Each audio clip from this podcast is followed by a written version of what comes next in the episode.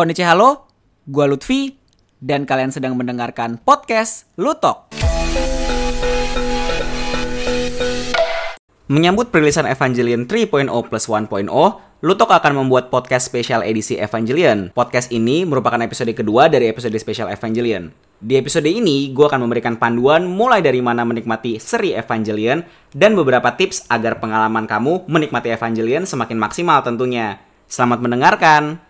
Sebenarnya awalnya tuh gue nggak mau bikin episode ini gitu ya kan. Tapi gue kepikiran gitu untuk membuat uh, episode kedua dari special Evangelion ini ya. Karena kan awalnya kan gue udah mikir gue pengen bikin uh, episode tuh ya kan. Tapi turns out uh, eh, gue mikir waktu itu tengah jalan uh, kayaknya uh, ada beberapa orang yang di sini yang masih belum menonton Evangelion gitu ya kan.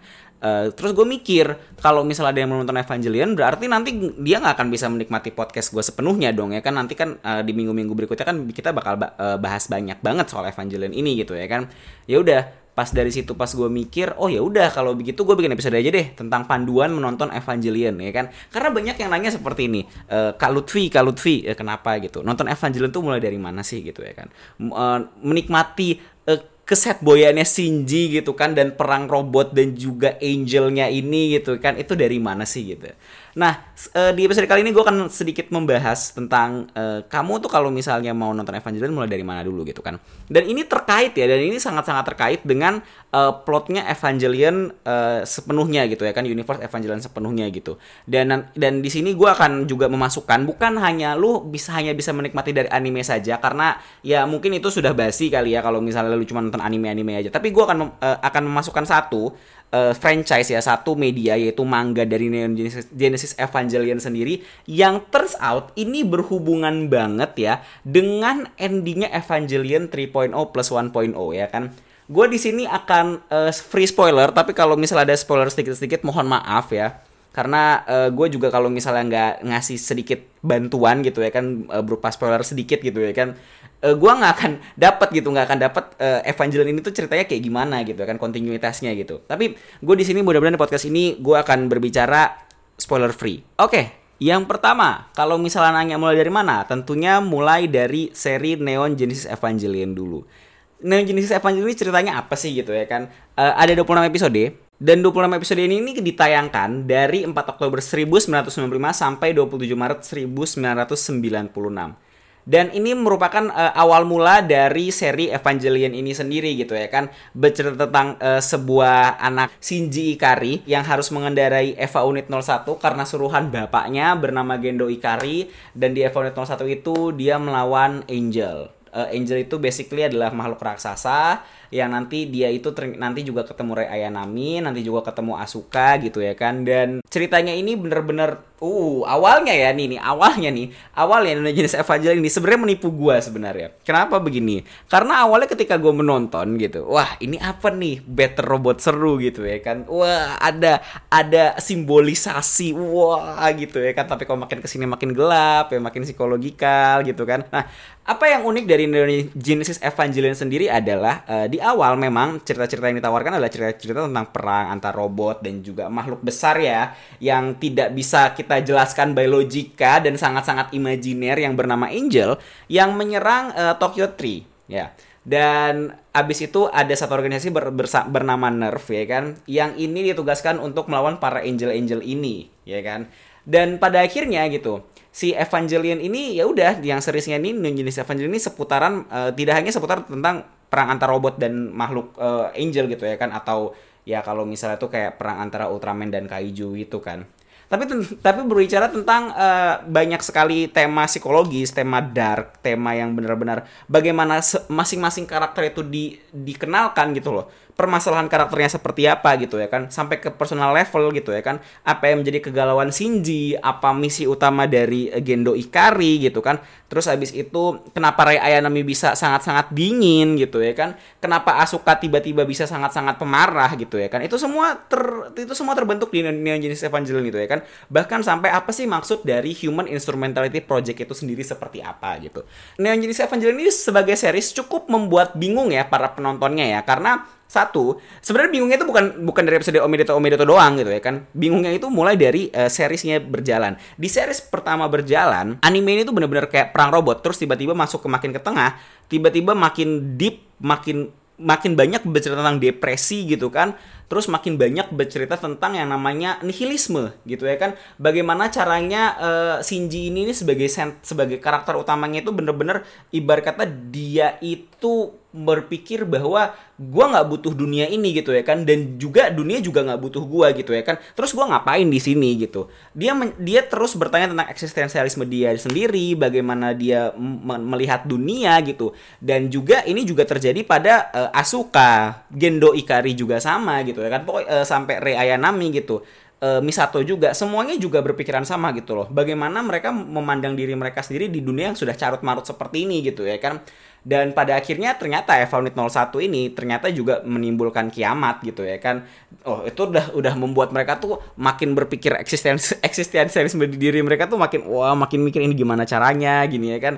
Bagaimana caranya gue bisa survive gitu. Bagaimana cara gue bisa survive dengan menjadi diri sendiri gitu.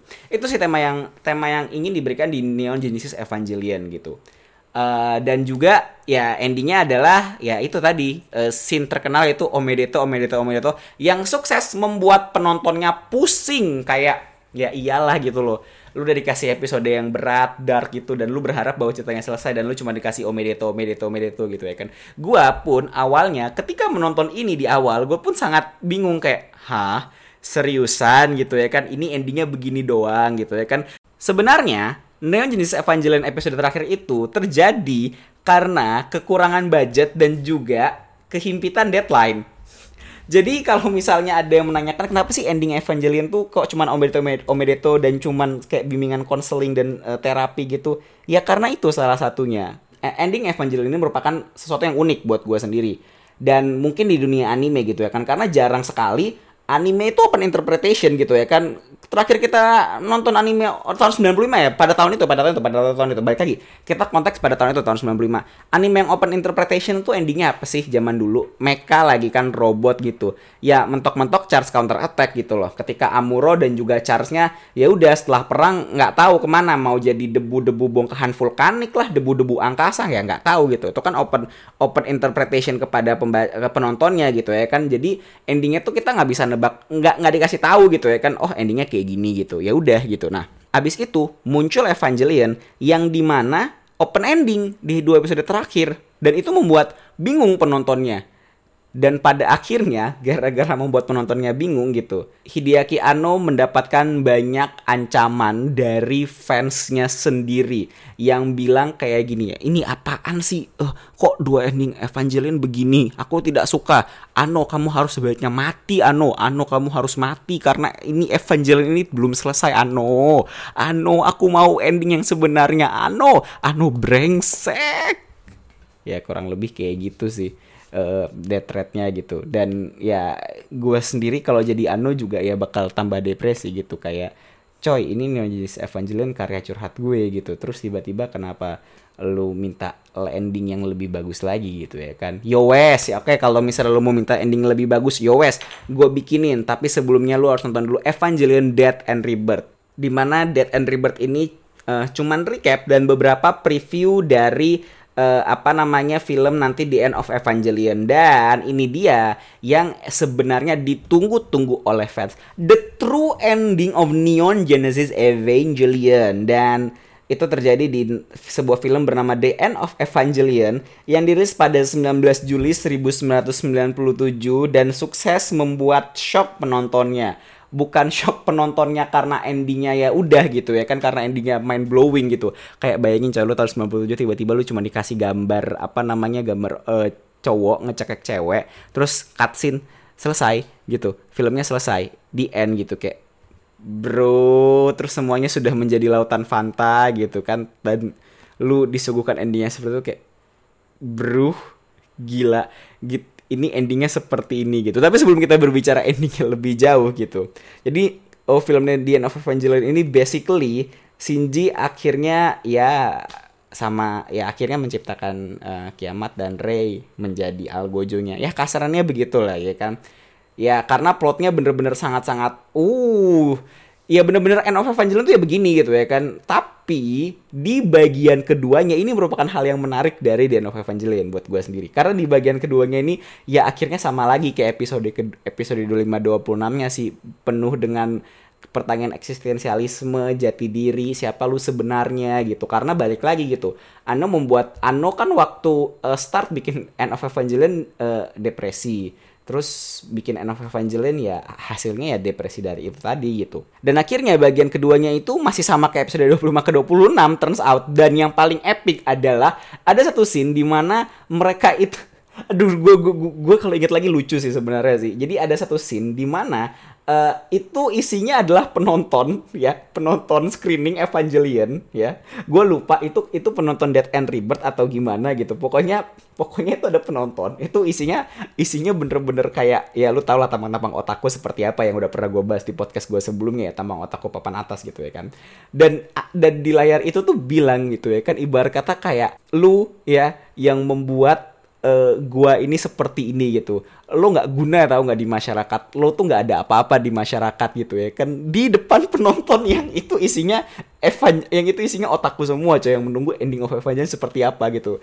Jadi kayak semacam apa ya kayak semacam Ano itu bilang F you gitu bilang kayak anjir lo ya uh, lo udah bikin gue depresi lo udah gue bikin gue stres gitu ya kan gara-gara Evangelion ini gitu ya kan. Nih mamam nih gue kasih lo in your face ya gue kasih lo di depan mata nyoh ya kan. Uh, bentuk bentuk bentuk jari tengah gue ke lu gitu kan udah bikin gue kayak gini gitu kan. Dan itu merupakan salah satu momen yang hilarious dalam anime sih gitu ya kan. Karena menurut gue sendiri ya End of Evangelion itu dibuat karena ya simply biar Ano tuh nggak dapet death threat lagi gitu biar nggak dapet ancaman lagi dan dia bisa bebas lah bikin film tanpa Evangelion gitu. Karena kan abis dari Evangelion kan karya dia berikutnya Karekano gitu kan. Kayak ya ampun itu sojo banget gitu dan nggak ada hubungannya sama Evangelion yang uh dark sekali dark papan atas gitu ya kan. Tapi nggak bisa dipungkiri sih kalau End of Evangelion ini merupakan salah satu an, uh, film anime yang paling berpengaruh ya pada masanya. Karena setelahnya ya film evan film-film anime gitu. Oh ya, terutama karya-karya Bakemonogatari dan juga Madoka Magica itu ngikutin ngikutin formulanya Evangelion tumplek blek.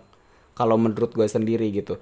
Itu mungkin akan bisa kita uh, bahas letters ya nanti di uh, edisi terakhir ya kenapa Evangelion bisa famous sampai sekarang gitu ya kan. Abis itu ketika lu sudah selesai menonton End of Evangelion, jangan lupa untuk membaca mangganya. Gue tahu, gue tahu, gue tahu, gue tahu. Uh, beberapa banyak yang lo bilang uh, adalah kalau misalnya uh, manga itu merupakan karya spin-off yang kadang-kadang tuh suka nggak nyambung sama animenya. Kadang-kadang suka ya ampun mangganya apa, animenya apa apalagi ini tuh merupakan karya original anime bukan karya yang diangkat dari manga gitu jadi mangganya bener-bener kayak spin off gitu ya kan bener-bener nggak nyambung tapi oh tapi ya kan manga ini dibuat sama Yoshiyuki Sadamoto coy AKA yang buat karakter desainer Evangelion, ya kan? Dan langsung di apa namanya dilihat langsung sama uh, Gainax, ya kan? Jadi cerita turns out manga Nemesis Evangelion itu merupakan cerita baru sebenarnya, bukan cerita dari Neon Genesis bukan cerita uh, yang copy paste Neon Genesis Evangelion. Memang ada beberapa yang copy paste gitu ya kan. Tapi itu hanya berakhir sampai kalau nggak salah volume 8 atau 9 gitu ya kan. Jadi Neon Genesis Evangelion Indonesia ini ternyata pernah terbit di Indonesia. Dan ini dibuat oleh Yoshiyuki Sadamoto dan diterbitkan oleh M dan C karena gue punya dulunya. Dan ini di Indonesia ini sayangnya cuma terbit sampai nomor 13. Uh, eh, sayang banget karena karena komik ini berakhir di angka 14 gitu dan kayak adem. Dan komik ini nih diterbit pada tanggal 26 Desember 1994 ya kan? Dan juga 4 Juni sampai 4 Juni 2013 jadi komik ini tuh berjalan 18 tahun dan hanya 14 volume yang terbit. Tapi yang gua tapi yang gua suka dari komik uh, Evangelion versi manga ini adalah komik ini bener-bener kayak ya itu tadi yang gue bilang gitu ya kan uh, retelling the Evangelion itu di awal. Tapi makin ke sini gitu ya kan ini itu ceritanya bener-bener baru dan beda gitu ya kan. Apalagi terutama di chapter 13 14 gitu kan. Gue lupa kayaknya gue punya 13 atau bukan ya. Kok pokoknya yang terakhir gue punya tuh komik uh, Evangelion yang nomor 12 gitu.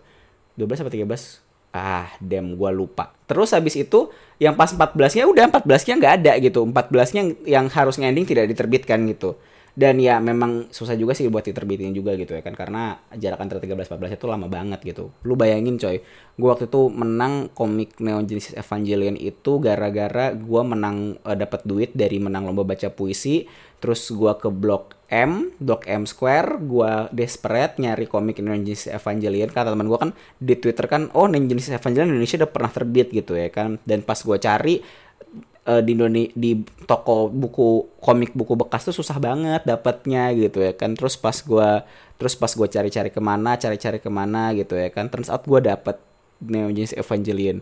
Damn dari uh, sebenarnya ada yang nggak komplit sih nomor 6 apa nomor 7 gitu ya kan. Tapi dari nomor 1 sampai 13 nya komplit dan gue kayak ah! Saya nggak 1 sampai 13 1 sampai 11 waktu itu. Terus gue kayak ah yes dapat juga. Ya itu sih yang benar-benar ngebuat gue suka sama Nemesis Evangelion juga gitu ya kan. Karena mangganya juga gitu. Karena mangganya itu bener-bener kayak apa ya?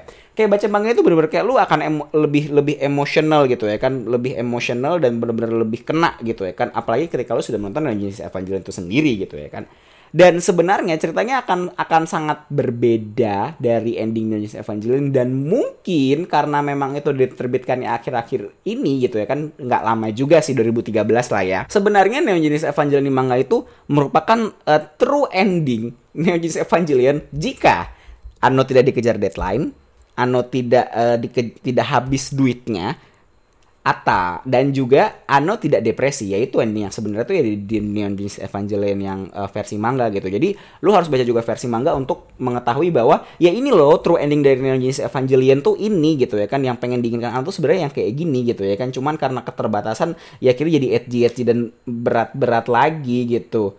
Dan menurut gua di mangganya sendiri tuh benar-benar lebih dalam ya tentang emosi dan antar karakternya. Karena ya mangga lu masih punya banyak freedom dan juga itu kan dibikin sama Yoshi, Yoshiyuki Sadamoto ya yang ya at least seenggaknya nggak gila-gila nggak nggak segila dan nggak sedepresi Ano lah gitu ya kan kasarannya kayak gitu.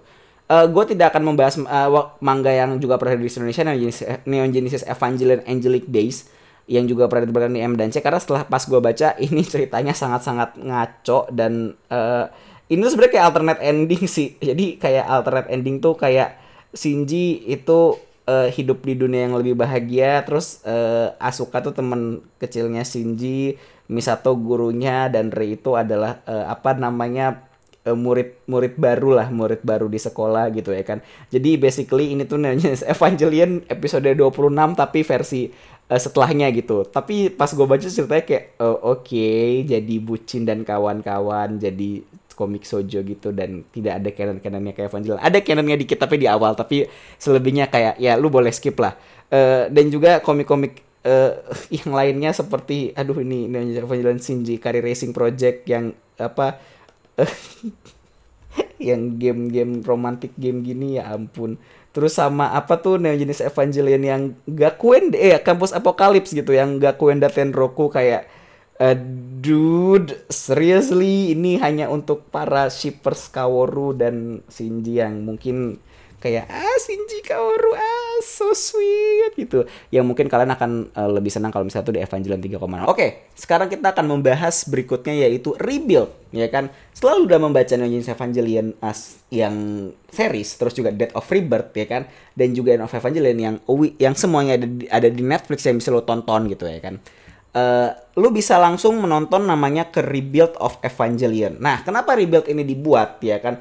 Orang-orang pasti bakal bertanya, loh kok udah jadi Evangelion kan seriesnya udah ada, terus kenapa bikin Rebuild gitu? Nah, Rebuild itu dibuat karena, oh karena ya basically endingnya Evangelion kan gitu ya, di end of Evangelion ya kan nggak ya nggak happy ending gitu ya kan kayak masih ada kayak masih ada pertanyaan gitu ya kan masih ada pertanyaan yang belum selesai dijawab di End of Evangelion dan akhirnya mau dibuka di di uh, End of di Rebuild of Evangelion ini gitu. Jadi Rebuild of Evangelion ini merupakan proyek baru dari Evangelion dan ada terdiri dari empat film. Yang pertama adalah yang diberi titel uh, 1.0 You Are Not Alone di tahun 2007 yang kedua, You Cannot Advance dirilis tahun 2009. Yang ketiga adalah You Cannot Redo di tahun 2012 dan 3.0 plus 1.0 Tries You Upon a Time di tahun 2021 alias tahun ini alias yang gue reviewnya udah gue bikin di minggu lalu tentunya.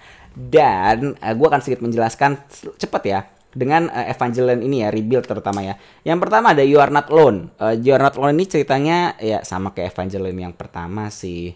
Dan yang kedua ya sama aja sih yang kayak kedua juga gitu ya kan yang ya kalau lu ngikutin timeline ya sama aja gitu ya kan. Tapi ada hal unik ya. Ketika lu selesai nanti menonton Neon Genesis Evangelion yang kedua itu kan biasa ada preview. Jadi setiap Evangelion kelar nih ya kan ada preview ya kan ada preview gitu. Nah, pas ada preview itu biasanya itu menunjukkan uh, untuk ke film berikutnya seperti apa gitu. Nah, pas 1,0 ke 2,0 ya previewnya benar sama gitu ya kan. Jadi apa yang adegan preview di 1,0 itu muncul di 2,0. Tapi pas di 2,0 ingin menunjukkan preview untuk 3,0 turns out itu filmnya berbeda sama sekali coy kayak yang di preview itu dibuang semuanya. Jadi 3,0 tuh kayak cerita baru dan itu bener-bener kayak nggak ada di preview. Jadi kayak gue pas nonton juga ini dari mana? Terus kenapa tiba-tiba ada organisasi baru dan kawan-kawan gitu. Dan kenapa kenapa gitu ya kan. Dan ini membuat Evangelion 3.0 yang You Cannot Redo ini merupakan pure cerita baru yang sangat sangat sangat sangat berbeda dari Evangelion yang sudah lu tonton sebelumnya ya kan.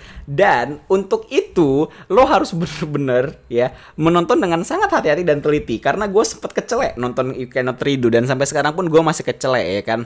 Karena ini ceritanya benar-benar baru dengan universe yang baru dengan uh, organis organisasi yang baru pokoknya semuanya baru dan bener-bener lu kayak harus ya ibar kata kayak ya udahlah kalau misal lu lu 3,0 sendiri ya lu menganggap ini sebagai cerita baru gitu. Jangan disangkut pautkan dengan sebelumnya gitu ya kan.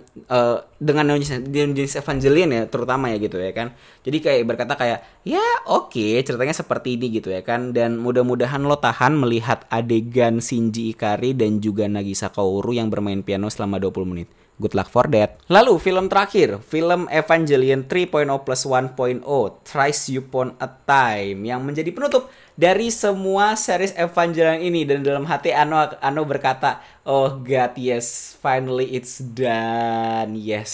Karena itu tadi pas orang NHK nanya, "Apakah kamu kangen dengan Eva apakah Anda kangen dengan Evangelion?" Enggak. Ya iyalah gila lu proyek dan 26 tahun gue ngerjain ini udah setengah stres udah gila sampai gue depresi sampai gue bilang iya gue nggak bisa beli anime lagi gitu ya kan. Terus out proyek Evangelion 3.0 plus 1.0 ini ya kan Trash Upon a Time ini ini merupakan penutup dari semua penutup Evangelion. Dan ya memang benar gitu ya kan sampai ada bilang saya nono sebagai Evangelion karena seperti gue udah bilang di podcast gue sebelumnya yang bisa lo dengarkan gitu.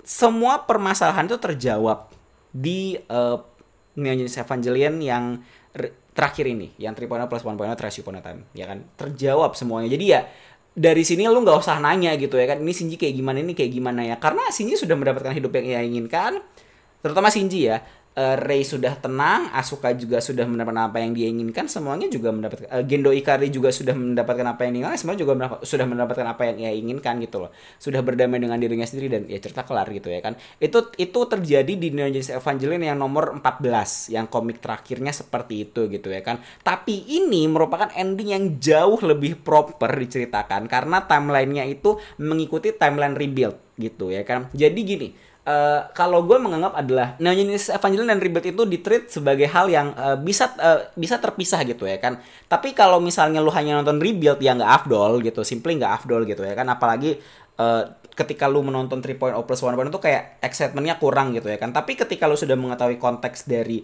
uh, rebuildnya sendiri gitu ya kan mengetahui konteks dari Evangelionnya sendiri lo akan nonton rebuild jadi tambah puas gitu. That's why gue selalu menyarankan untuk lo kalau misalnya mau nonton Evangelion yang belum nonton rebuild sama sekali gue sarankan lo nonton jenis Evangelion yang pertama dulu gitu ya kan. I know I know Lutfi gue nggak punya waktu buat nonton Evangelion percayalah ini sangat worth it Evangelion sendiri. Aduh, gue udah kayak sales Evangelion. Tapi benar, percayalah Evangelion ini sangat-sangat worth it untuk ditonton karena uh, tema yang diangkat ini begitu berat dan begitu kompleks ya kan. Dan ini benar-benar dan ini benar-benar seru untuk dibahas lebih lanjut gitu ya kan. Karena ini sebenarnya ini kayak proses pencarian jati diri sebenarnya tapi lebih hardcore gitu ya kan bener-bener hardcore gitu ya kan dan ini merupakan jarang diceritakan oleh uh, media-media pop culture pada umumnya gitu ya kan. Pada saat itu terutama pada saat itu. Lebih-lebih pada saat itu gitu ya kan. Yang bisa menggabungkan fantasi dan uh, eksistensialisme diri gitu. Jarang banget itu. Dan uh, tenang aja ya. Dijamin puas gitu ya kan. Karena abis dari situ lu akan sering bertanya tentang diri lo sendiri gitu. Dan kalau misalnya ada yang bilang ya Lutfi gue nggak punya uh, banyak waktu untuk uh, nonton itu gitu. Ya nggak apa-apa gitu loh. Lo nonton rebuildnya saja gitu. Nggak apa-apa. Itu juga itu juga sebenarnya nggak apa-apa gitu. Cuman ya kurang puas aja gitu. Nanti nonton tiga tiga koma satu koma lo kayak kurang ah aja gitu. Itu aja sih sebenarnya gitu. Dan ini membuat gue ke uh, topik berikutnya yang eh, mungkin akan sedikit gue bahas ya. Yaitu tips menonton Evangelion. Wah. yang pertama lu harus nonton ini dengan benar-benar kepala uh, kepala kosong gitu. Kepala kosong itu maksudnya bukan kayak lu kepalanya dilihat semua memori dan lu kepala ha gitu kayak Patrick itu enggak gitu. Maksudnya lu bener-bener harus uh, menonton Evangelion ini bener-bener dengan sangat sangat-sangat hati-hati sih sebenarnya gitu ya kan. Dan karena begini kenapa gue bilang hati-hati? Karena kalau nonton Evangelion dalam keadaan galau gitu ya kan lu tidak bisa lu bener-bener kayak akan terbawa terus gitu. Dan Shinji bener-bener akan jadi mood board lu gitu ya. Karena Shinji memang representasi orang-orang galau yang akan gue bicarakan di podcast gue berikutnya tentunya. Terus Eh, kadang-kadang uh, juga nonton Evangelion sendiri tuh kayak ada dua pendapat gitu. Ada yang bilang waktu awal nonton Evangelion terutama ya, ini Shinji apaan sih gitu ya kan? Uh, kok nggak kayak karakter shonen pada umumnya gitu ya kan? Karakter shonen yang gua tahu kan kayak wah apa namanya keren, cool dan kawan-kawan gitu ya kan kayak Dragon Ball dan kawan-kawan gitu. Ini kok kayak set boy segala macem gitu. Yang turns out formulanya dipakai lagi di Hero Aka ya, ya lo tahu kan karakter siapa yang gua mention di Hero Aka. Dan pada akhirnya ya uh, itu jadi Shinji tadi tuh akhirnya jadi cetak biru karakter-karakter set boy gitu yang akan gue bahas juga di episode minggu berikutnya gitu. Dan lo bisa sangat-sangat galau sih nontonnya gitu. Yang tadi gue bilang lo bisa sangat-sangat kayak merasa aku siapa? Aku ini seperti apa? Apalagi lo punya permasalahan dengan bokap gitu. Wah itu lo bisa ekstrim lagi sih gitu ya kan? Tapi yang kedua tips nonton Evangelion enjoy the action. Sumpah sumpah di balik cerita yang galau dan dark itu sumpah Evangelion tuh punya scene robot dan anime yang menurut gue monumental sih kayak coy 95 lo bisa bikin kayak gini lo gila ya gitu. Dan itu masih masih terwujud di rebuild gitu. Di rebuild juga sama kayak gitu. Animasi Evangelion tuh benar-benar top notch sih dan menurut gua di tahun 95 aja bisa bisa bikin animasi seperti itu menurut gila gitu kan. Apalagi dengan pertandingan uh, robot yang slick. Desain mereka yang tidak biasa bayangkan Eva itu bukan super robot atau bukan re robot Eva ya Eva gitu dengan uh, aduh gila cuy pertama kali gue nonton Eva tuh kayak nih robot apaan? Gitu kan kok kayak tengkorak gitu kan kok ngeri gitu kan. Perasaan gue nonton Gundam gak gini-gini amat gitu ya kan. Robot-robot yang gue tuh cuma robot yang kayak bip bup bip bap gitu. Terus tiba-tiba muncullah Evangelion yang digolongkan mecha dan mecha itu hanyalah sebagai jebakan utama agar orang-orang mau menonton krisis eksistensialisme dan psikolo tema psikologis yang berat Damn you Ano. Jadi Eva itu lo bisa enjoy dua-duanya sih. Enjoy grafisnya dan juga enjoy ceritanya gitu. Dan itu yang membuat Evangel itu tuh menurut gue sangat spesial sih dan bener-bener kalau nonton tuh kayak bener-bener kayak ibarat kata kayak first impression itu bener-bener bakal gila banget di sebuah anime sendiri gitu kalau untuk sebuah medium anime terutama gitu ya kan dan ini gue nggak tahu tips yang berikutnya itu tips yang ketiga gitu ya kan ini gue nggak tahu apakah perlu dibicarakan atau enggak eh perlu dibicarakan ya udah perlu aja lah gini ini kalau dari gue pribadi ini dari ini baik lagi ya dari gue uh, sendiri ya gue sendiri selalu nonton Evangelion tuh lucunya adalah di atas jam 12 malam jam 1 atau jam 2 gitu. Itu terjadi pas gue nonton Neon Genesis, semua series Neon Genesis Evangelion, Rebuild 1, 2, 3, bahkan 3,0 1,0 gue tonton abis kelar vaksin. Bayangkan, lu nonton abis kelar vaksin dan vaksin gue AstraZeneca pula. Lu nonton itu nggak bisa tidur gitu ya kan, terus lu pusing, pala lu berat banget. Lu nonton Evangelion 3.0 plus 1.0 trippy banget coy. Gue kayak oh my god is this real life? Is this fantasy? Oh karena apa ya gue tuh kayak menonton Evangelion di tengah malam itu tuh kayak bener-bener sebuah experience yang gila sih menurut gue yang yang wow yang yang yang mind blown lah intinya lah gitu ya kan. Gue gue nggak tahu lagi sih kayak nonton Evangelion tengah malam tuh merupakan sebuah experience experience yang menurut gue akan selalu gue ingat gitu ya kan. Dan dan dan dan dan turns out gue berhasil maraton semua Evangelion di tengah di, di dini hari gitu. Dan pengalamannya gila kayak lu abis dini hari lu capek segala macem lu abis tiba-tiba disuruh memikirkan apa namanya memikirkan eksistensialisme hidup gitu ya kan. Kayak dude Iya tapi itu yang membuat Evangelion spesial buat gue sendiri sih. Itu tadi uh, podcast gue yang membicarakan tentang Evangelion lagi dan membicarakan dari mana lu menonton Evangelion. Intinya adalah bener-bener lo harus menonton enjoying Evangelion yang bener-bener enjoy gitu. Lo bener-bener harus ya pikiran lo terbuka dan kosong lah nonton Evangelion. Jangan sampai kayak lo tiba-tiba lagi galau mentok lo nonton Evangelion, coy lo akan tambah galau seriusan gitu ya kan. Dan enjoy Evangelion, bener-bener enjoy dan mudah-mudahan habis podcast ini gue nggak dapat pertanyaan lagi. Uh, Kak Lutfi mulai nonton Evangelion dari mana ya kayak ya? karena ya udah udah gue beberkan dalam podcast episode ini. Terima kasih telah mendengarkan podcast Lutok. Follow atau subscribe podcast ini di platform podcast favoritmu. Jangan lupa juga untuk follow Instagram Lutfiworks di @lutfiworks underscore 95, Twitter di @lutfikentweet, dan jangan lupa buat like FB-nya yang namanya Lutfiworks. Gue Lutfi, sampai bertemu di episode podcast berikutnya. Plus Ultra, sayo dadah!